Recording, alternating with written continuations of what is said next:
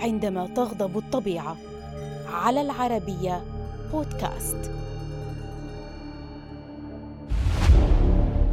لم يتوقع سكان مدينة أنطاكيا أن نهار العشرين من مايو عام 526 الميلادي سيكون يوما مأساويا عليهم. وربما يكون آخر يوم يرون فيه أحباءهم على قيد الحياة. بسبب زلزال عنيف ضرب أنطاكيا وغير ملامحها. مصحوبا بنيران أكلت ما تبقى من المدينة.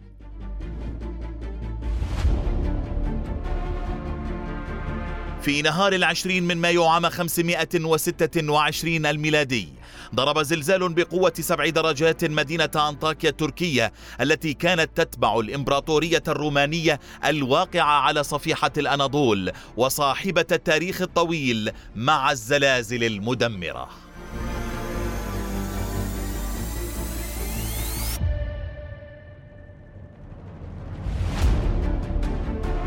وما إن ضرب الزلزال المدينة حتى بدأ السكان المذعورون في الصراخ والأرض تهتز وتتشقق من تحتهم والمباني تنهار فوق رؤوسهم والحجارة تتساقط عليهم من كل صوب.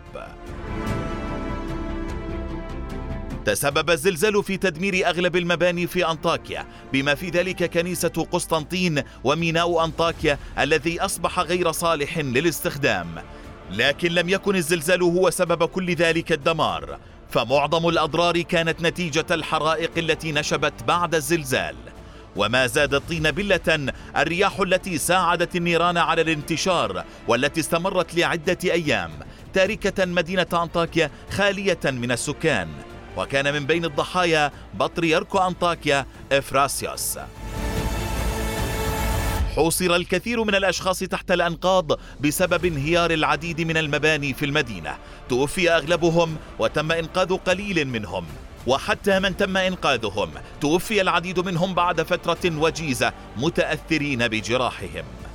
ونتيجة للفوضى التي أحدثها الزلزال انهارت الحكومة المحلية وخرج الناجون مع عائلاتهم خارج المدينة وتعرض العديد منهم للهجوم من قبل ذوي الضحايا أو اللصوص. تعرضت أنطاكيا بعد الزلزال لموجات زلزالية استمرت 18 شهرا حيث كانت سببا رئيسيا في بطء إعادة إعمار المدينة المنكوبة.